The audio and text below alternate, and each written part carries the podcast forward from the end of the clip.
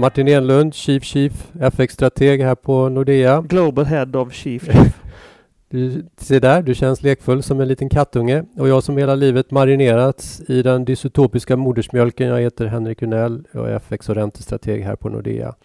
Får jag avbryta dig? Ja. ja men nu säger du att du är marinerad i, i någon slags dystopisk moder, modersmjölk. Ja. Jag tänkte liksom att om du kallar mig kattunge, vad är då den mest passande beskrivningen av din sinnesstämning här denna Jag arla morgonstund? Jag tror ju att du är den svenska finansmarknadens Bane. Kommer du ihåg den här ja, Läderlappens antagonist Bane i filmen Den mörka knäkten reser sig. Elden reser sig, sa han. Jag tror att det finns de där ute som misstänker att just du, Henrik, är den svenska finansmarknadens Bane. I alla fall på Riksbanken tycker man nog det. Är det så? Är du född och formad av mörkret? Ja, men just nu har jag hälseneinflammation. Och det Ah. kan vara så att jag på marginalen faktiskt blir Bane. Du vet ju den här diskursen att det finns inga permanenta, människor har inga permanenta egenskaper utan livet formas på marginalen. Det är det sista som händer som avgör om du är snäll eller elak eller någonting. Och just nu känner jag mig lite halv-elak. Men jag tror inte att jag är en permanent Bane. Men jag kan gå, in, jag kan gå med på att jag är en tillfällig Bane. Ja, Martin. En tisdags-Bane. Ja, tisdagsbain. Det här med att gå in i väggen, det är ju ett, på individnivå då ett tecken på att någonting inte riktigt stämmer, någonting är ohållbart. Och för många människor så innebär det ju någon form av vändpunkt och tillfälle till livsstilsförändring när man synar sin tillvaro. Centralbanker i allmänhet har ju genomlidit år av makroekonomisk besvikelse med låg inflation och låg tillväxt och gått in i den penningpolitiska väggen. Eh, men vi ser ingen förändring, vi ser ingen reflektion, vi, vi ser inga nya tag i ett läge då vilsenheten borde ha infunnit sig och man borde vara mindre beslutsam och mer oklar med vad man håller på med. Eh, vi såg det här med ECBs räntebeslut i förra veckan. Jag kallar det för penningpolitisk demens. Det är alltså en neurologisk degenerering och bör betraktas som en sjukdomsform. Eh, Martin, berätta om det tragiska ECB-beslutet i förra veckan. Neurologisk degenerering. Du är i hög form. Jag tänkte väl beskriva ECBs senaste räntebesked som inte bara var ett räntebesked som ett riktigt härligt Frankensteins monster. Det muttrar och skruvar och galenskaper som sticker ut till höger och till vänster på, den här, på det här stimulanspaketet som Draghi visade upp nu i september. För att konkretisera, Henrik hävdar att vi även ska bidra med någon slags analys i podden och beskriva saker som de är och inte bara sitta och gaffla om centralbankernas eh, tokigheter. Eh, ECB gjorde en hel radda grejer. Man sänkte räntan med fjösiga 10 punkter, så minus en halv procent är styrräntan den viktiga av dem i Euroland.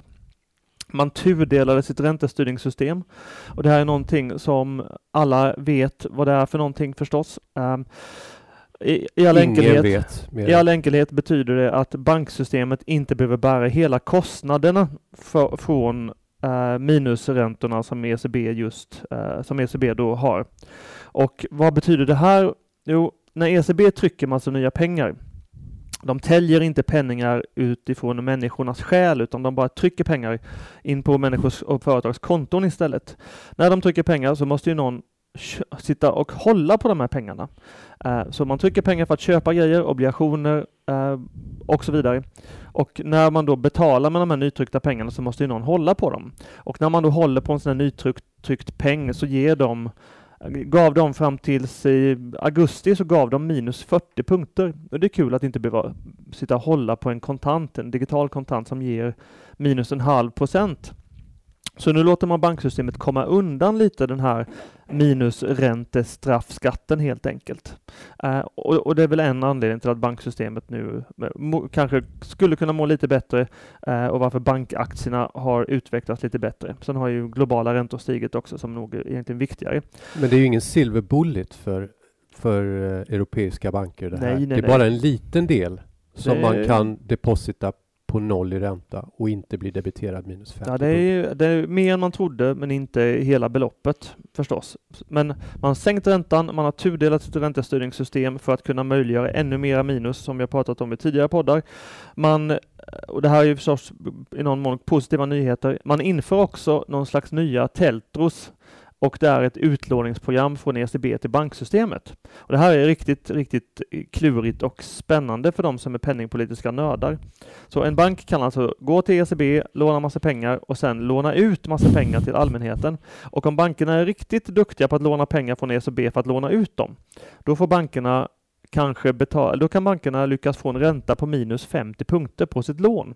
Så ECB kommer alltså betala bankerna för att bankerna lånar för att låna ut Mm, men det kan till och med vara så här Martin, att man lånar av ECB på en lång sån här TLTRO som du nämner och sen lånar tillbaka dem till ECB på noll om du inte sitter med någon överskottslikviditet, om du inte är en överskottslikviditetsbank. Det är mumma för banksystemet. Det här är ju fullständigt galet och det, det är bara bevisa, på, bevisa det som vi alltid pratar om. Men du säger att penningpolitiken, penningpolitiken är impotent och att de har gått in i väggen. Men mm. hela tiden så hittar de på nya jävelskaper som gör att man kan ändå liksom trilskas och eller man kan fixa till det så att det och så, så att någonting ändå händer någonstans. Det som förmodligen kommer hända är att det kommer bli att banksystemet i Europa kanske kommer låna ut pengar till företag som köper tillbaka sina egna aktier så att börsen kan gå upp. Mm. Fantastiskt. Liksom, och det har ju varit mönstret i USA nu i tio års tid. Och sen så säger han också budskapet från Draghi att vi kommer ha minusräntor till dess att eh, inflationen etablerat sig i närheten av 2% Och istället för att man har en tidsbestämd eh, penningpolitik, man säger till exempel att vi kommer att eh, ha låga räntor fram till det och det datumet, så säger man nu att det är avhängigt hur inflationen utvecklar sig. Så det kan bli så, om inte inflationen stiger upp till 2% så kanske det här är en evig sedelpress som ska gå i Europa. För hur, hur mycket pengar ska man trycka per månad inledningsvis? Bara, bara 200 miljarder kronor översatt ungefär. Ja. Och det kan ju komma att öka. Per månad. Det är en del. Det är många nollor som jag brukar säga till dig. Och det här är ju då en härdsmälta som ECB, ECB och Europas politiker har kokat ihop och det är uppenbart för mig att man inte tar sig ur situationen, för precis som du lite ironiskt gjorde gällande så, så tror ju inte du heller på att det här är någon form av lösning på, på låg inflation och låg tillväxt i Europa. Men varför finns det inte en, någon som diskuterar att det här är en kollektiv kraft, alltså ECB, som tar sig rätten att socialisera varenda tillgång utan att någon reser sig upp och ifrågasätter motiven eller resultaten eller innehållet men jag är glad att du och jag gör det Martin. Ja, jag tror att det enkla svaret här är att eh, många människor borde fundera på de incitament som finns i systemet. Hur många är det som har incitament att kritisera ECB? Jag har ju gång efter annan irriterats på att alla centralbanksforskare kommer bara hela tiden fram till att centralbanken de är anställd vid gör rätt och att dess politik fungerar.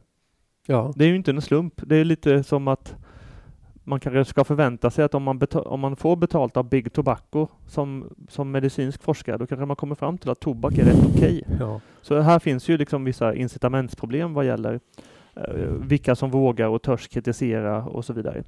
Um, att, och sen, att, ja. att, vi sticker ut är ju konstigt. Det är väl kanske för att vi inte fattar bättre Nej. vad incitamenten ser ut, hur de ser ut.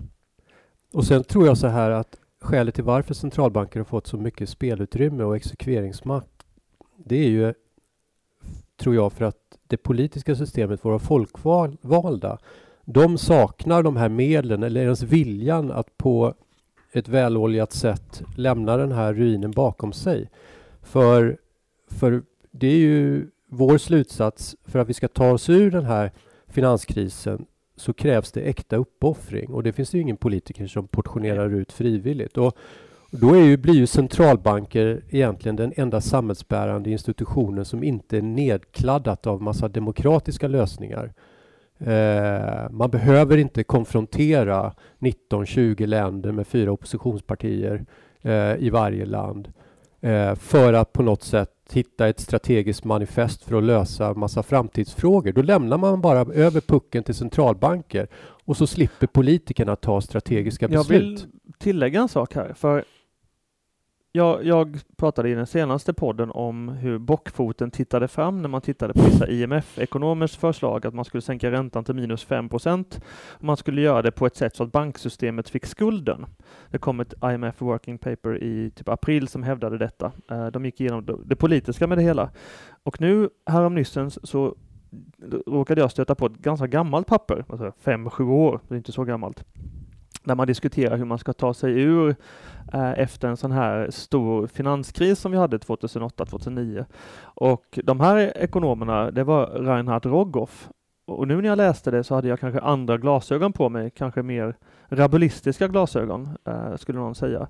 Och de, de skriver alltså rakt upp och ner att att genom finansiell repression så kan vi blåsa hushållen på olika sätt och vis. Mm. Och då är deras förslag då att, att man genom centralbanker och reglerar tvingar till exempel pensionssystemet att köpa massa obligationer som ger minus. På ett sådant sätt så kan man ju blåsa hushållen på konfekten för att rädda ekonomin i det större. Så det är mycket, du har helt rätt där, att, att politikerna gör inte sitt jobb, men det är ju för att byråkraterna gör kanske det som i någon mån bör ja. göras utifrån överhetens perspektiv. Och då kan man ju säga att... Nu låter jag som en marxist. Ja, det låter som en revolutionär och det får man vara Martin. Eh, och, och, och, på det sättet, precis som jag tänkt säga, att, att jag gillar ju faktiskt att fastighetsindex i Sverige bara ångar på. Och Istället för att sitta här och ondgöra... Jag vet inte om du gillar det egentligen. Ja, men, ja, men, du amorterar ja, men ju På något sätt, istället för att sitta sig här och ondgöra sig över, ja det ska vi återkomma till, ondgöra sig över den svaga kronan och, och de låga räntorna, så kan man bara rycka på axlarna och konstatera att det här är ju exakt vad våra styrande vill, vill ha. Det här är ett rationellt val. Vi har inte hamnat här av en slump. Och så får man lov att helt enkelt agera privat på de här premisserna. Och vad är då bättre än att äga reala tillgångar? Så länge centralbanker och Riksbanken inte är intresserade att göra sig av med sina bojor och beroenden så finns det ingen kraft kvar att bryta dem och då ska man göra det som man alltid har gjort. Vi ska bygga, bygga balansräkning och så blir förlorarna dagens pensionärer och de som inte spekulerar, de som bara har ett nominellt kassaflöde som inflationen till slut gröper Då kommer ur. vi tillbaka till de moraliska spörsmålen kring det här. För jag, jag läste i våras en uppburen professor som hävdade att amorteringskravet var en dålig idé. Och det kan vi återkomma till också. Och jag kan tycka att amorteringskravet är en dålig idé. Eh, eller inte amorter jo, men amorteringskravet och även det här bolånetaket, eh, debt to income ceiling eller vad det heter. Mm. Eh, det är en dålig idé, för det förhindrar folk från att eh, ta så stora lån som de vill egentligen. Och om man då tror som Henrik kanske tror då, eh, att, att eh, centralbanken i, i, i vår närhet är fast besluten att förvandla vår krona till konfetti trendmässigt år efter år. Det är ju det den har gjort nu sedan 2011. Hur ska man då skydda sig? Ett sätt att skydda sig är att vara lång tillgångar, som, som Henrik säger. Men det, det är det som blir lite problematiskt då med alla de här kreditrestriktionerna och bolånetak. Då säger man ju till en hel del av offentligheten att ja, men just ni, ni får inte skydda er. Mm. Ni får inte försöka skydda er från Riksbankens konfettimaskin. Och då blir ju det ganska problematiskt, även de som vill på något sätt bygga balansräkning som du säger, vilket har varit rationellt nu i 40 års tid snart. De får inte av finansiella stabilitetsskäl. Medan de, de som har riktigt, riktigt god kreditrating, de allra mest förmögnaste och de största företagen, de kommer ju alltid undan de här eh, olika kraven. Ja. Det är ju en fördelningspolitisk fråga här också. Så, såklart. Och, jag, och också en moralisk poäng är att, och väldigt central, det är att västvärlden, och vilket vi påpekar hela tiden, vi har, vår del av världen har gått från att vara arbetande, produktiv, innovativ, omsorgsfull till ett finansmarknadsberoende och ett kasinobeteende. Och det var ju lite grann det som vi försökte förklara för Cecilia Skingsley när vi var hos Riksbanken och fikade och pratade penningpolitik. Och, Goda kakor hade de. Ett tips till allmänheten. Ja, det hade de. Men vi, istället för att ge oss in i de här vad ska man säga, teoretiska diskussionerna så försökte vi prata om just avarterna som vi såg i finansmarknaden av den politiken som centralbanker idag bedriver. Och tänk på det här. Fed tryckte ju under sina QE-program under sina år 20, vad blev det? 2008 till 2013. 14 slutade de. Ja. De tryckte ungefär 4 000 miljarder dollar Eh, med sin sedelpress och så för dem så köpte man statsobligationer och så blev det en brist på amerikanska statsobligationer. Och de här pengarna landade ju då i marknaden och då såg ju företagen sin chans att hitta billig finansiering eftersom då satt marknaden på alla de här pengarna. Så då började eh, företagen emittera obligationer och finansiering motsvarande 4 000 miljarder dollar till en väldigt låg kostnad. Och för de dollarna så köpte man tillbaka aktier, åtminstone för 1000 miljarder av de här 4 000 miljarderna. Eh, och kurser steg när mängder av aktier försvann och incitamentsprogram blev belönade, kortsiktiga incitamentsprogram. Hade framtiden sett ljusare ut, det vill säga hade, hade företagen kommit fram till att kapital, kapitalkostnaden är lägre än den förväntade avkastningen på en investering, då hade man använt de här pengarna för att långsiktigt investera. Men istället så gick pengarna till den här typen av finansiella gimmicks och någon sorts kortsiktig quick reach. Mm, det är det här vi har pratat om som finansialise finansialisering, ja. financialization. Det vill säga att om företag ja, om näringslivet kommer undan med att erbjuda avkastning till aktieägaren utan att ta ekonomiska risker i den faktiska ekonomin, det är klart att de ska göra det rent rationellt sett. Och låga, låga räntor och låga kreditspreadar möjliggör en sån här finansialisering av ekonomin. Vilket då i sin tur leder till förmodligen någon slags zombiebeteende där ute. Precis. Att man håller massa saker vid liv som inte borde, borde ske och trots detta så kan man erbjuda god avkastning till sina aktieägare.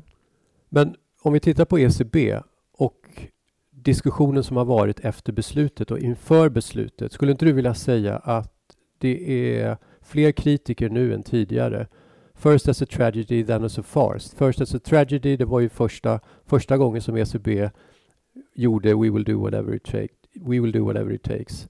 Och nu as a farce då, eh, sju år senare, så gör man om det manövern jo, igen och men, förväntar men en, sig ett annat resultat. Nu har man en annan whatever it takes. 2012 var whatever it takes för att hålla ihop EMU. Eh, kejsaren är fortfarande naken, tycker vän av ordning. Och nu är whatever it takes för att få upp den här heliga KPI-inflationen i Euroland hållbart till 2 procent. Eh, och ja, man ser ganska mycket kritik nu. Jag vet inte riktigt varför den har kommit, men liksom väldigt många eh, nordeuropeiska ekonomer har passat på nu att kritisera ECB, även inom ECB, alltså att kritisera ECB för den här senaste stimulans, eh, det senaste stimulanspaketet. man så... tycker väl att, att man skulle väl kunna säga att den enkla analysen här är att, att man börjar reagera inom Euroland mot ECBs egna tiondelarnas tyranni. Vad spelar det för roll om inflationen är ett par tiondelar hit eller dit eller för den delen om inflationsförväntningarna ligger på 1,7 istället för 2,0. Vad spelar det för roll? Det är fler som börjar fundera kring dessa frågor. Det måste vi väl välkomna ändå.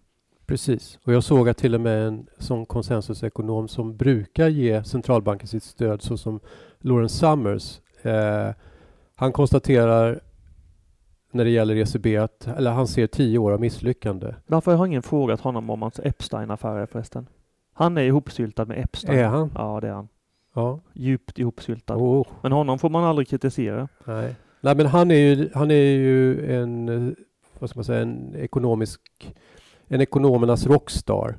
Men han är ju ändå, i, om vi bortser från Epstein och tittar på vad han säger, så är han ju inte nådig i sin kritik. Han säger ju att det axiomet som styr penningpolitiken idag, det tillhör historiens skräphög. Och jag menar att vi har gått från ett läge där akademiker var tämligen, eller där ingen kritiserade Bernankes forskning, för det här bygger ju på det som Bernanke förespråkar, både QE och minusräntor, till att det nu mer är en stor oenighet bland forskarna om vilket teorem som faktiskt gäller och vad som fungerar. Och det tycker jag ändå är lite spännande, för du, har ju, du och jag har ju fört fram tanken att vi är i sista inningen av det här penningpolitiska paradigmet och att det snart kommer försvinna. Du ser något som är mitt liv Andra människor ser någonting som är halvdött. Jag skulle säga att det är ett fossil. Inflationsmålen går mot vägs ände. Vi kommer inte ha den här inflationsmålspolitiken om 20 år, skulle jag säga. För det leder till så mycket problem. Jag har tyckt sedan 2007 att KPIF eller inte KPIF, men att inflationsmål i sig måste leda i en värld med eh, teknologiska importerade chocker, måste leda till att man överhettar den inhemska ekonomin och bygger massa bubblor. Och det är en åsikt jag inte ser några skäl att, att ompröva. Utöver då att man från inflationsmålspolitiken också får stigande förmögenhetsojämlikhet som en, som en följd, lyckosam eller inte, det beror väl på vilken klass man tillhör. Um, ja, det precis. finns många, många problem med det här paradigmet vi har haft och levt i nu sedan, sedan 80-talet egentligen. Och, precis, och tänk att du har ett läge där man skapar villkor där det är lönsamt för företag att låna på minusränta och avkasta noll. Och vi tycker att det är en bra affär. För det är precis det man har gjort. Och skuldpapper har förvandlats till tillgångar och tillgångspapper bär karaktären av skuldpapper med negativa kassaflöden. Vi spelar på sneda schackbrädor, men vi kommer förmodligen fortsätta spela på sneda schackbrädor ett tag till. Ja. Att lyssna på oss och tro att, att den här regimen skulle liksom vältas omkull inom något år, det kommer nog inte ske. Nej.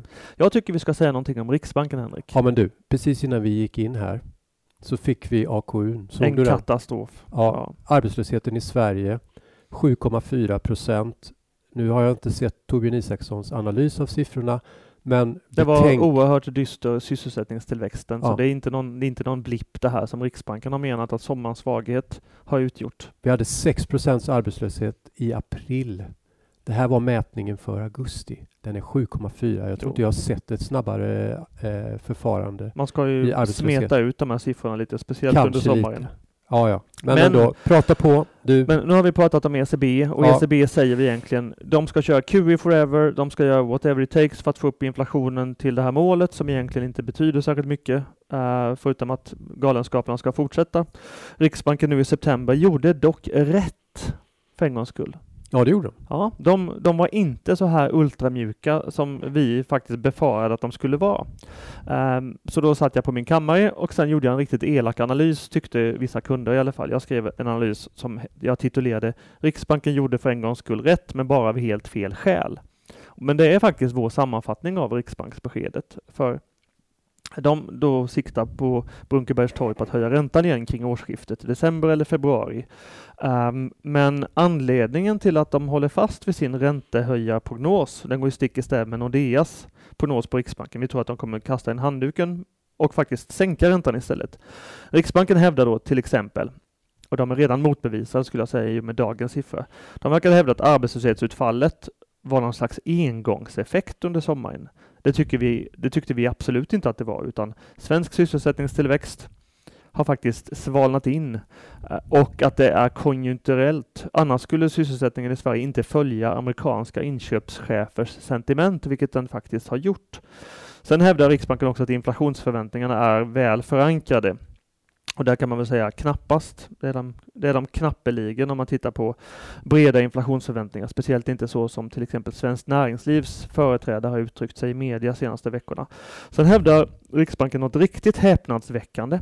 De hävdar egentligen att tillväxten som globalt har bromsat in sedan december 2017, den bromsar in för att resursutnyttjandet är högt. Mm. Det är ju jag vill inte säga vad jag tycker om den slutsatsen. Mm. Den, den är befängd. Ehm, så ingenting av det här stämmer. Och ändå så höll man fast i räntehöjningssignalen eh, eh, nu i september. Ehm, med detta sagt så skulle man kunna säga att vi på Nordea kanske har fel. Det händer ju att ekonomer har fel. Ehm, men det tror vi ju inte. Eh, Riksbanken skulle kunna ha en otrolig faslig tur. Tänk om global konjunktur börjar ta fart nu. Tänk om de här Houthi-rebellerna eller vad de nu heter som skickar drönare på Saudi som de skickar upp inflationen. Det kanske skulle kunna göra att Riksbanken lyckas klämma ur sig en till räntehöjning inom, säg sex månader. Eh, det tror ju inte vi dock. Eh, sen kan man också tycka att att om Riksbanken ska sänka i december, då måste de verkligen ompröva sin omvärldsanalys snabbt, för tiden går ju.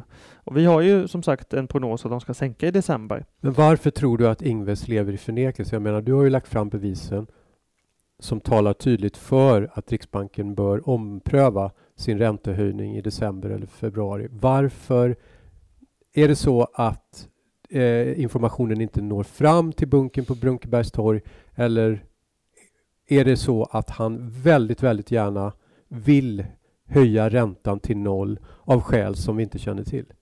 Det senare går inte att utesluta, men då borde han ju säga det publikt också, att han vill upp till noll av någon slags eh, teknologisk eller PR-mässig PR-mässiga skäl. För, för, Riksbanken får ju en otrolig mängd kritik eh, om man läser tidningarna just på grund av sin, sin eh, väldigt mjuka penningpolitik. Precis tvärtom som den kritik de fick 2012. Jag tror, tror att, jag tror att det är så enkelt att de inte har hunnit eh, de har inte riktigt hunnit internalisera hur risigt det ser ut där ute. Det tar ju oftast, alltså generellt sett så är det bättre att titta på inköpschefsindex än att titta på ekonomers prognoser. Ja. För ekonomernas prognoser brukar följa inköpschefsindex med tre månaders fördröjning ungefär.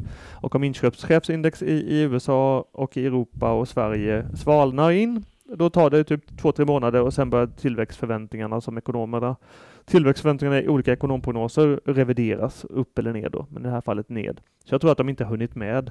2011 kan vara lite lärorikt här. 2011 så sa Riksbanken i juli månad, herre, är min ge vad mycket vi ska höja räntan. Räntan ska upp i klykan, sa man till marknaden.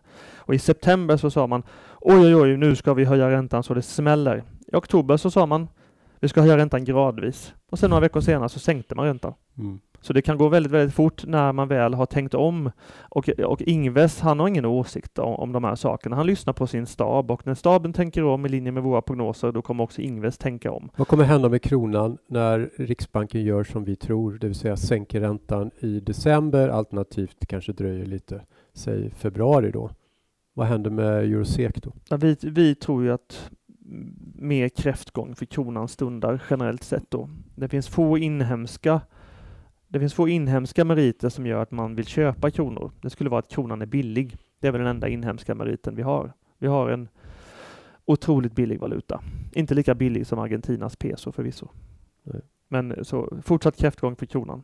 Uh, har vi fel så är det förmodligen av globala skäl att det blir åka av i den globala konjunkturen. Då kanske kronan skulle kunna stärkas lite. Martin, tack för dina åsikter. Nu tror jag att vi gör sorti. Vi kan avsluta med ett önskemål. Både jag och Henrik önskar att alla centralbanker världen över slutar att jaga efter guld vid regnbågens slut. Ge upp den här fåfänga kampen på KPI vid målet. KPI är inte relevant ändå. Släpp tiondelarna. Amen. Tack och hej.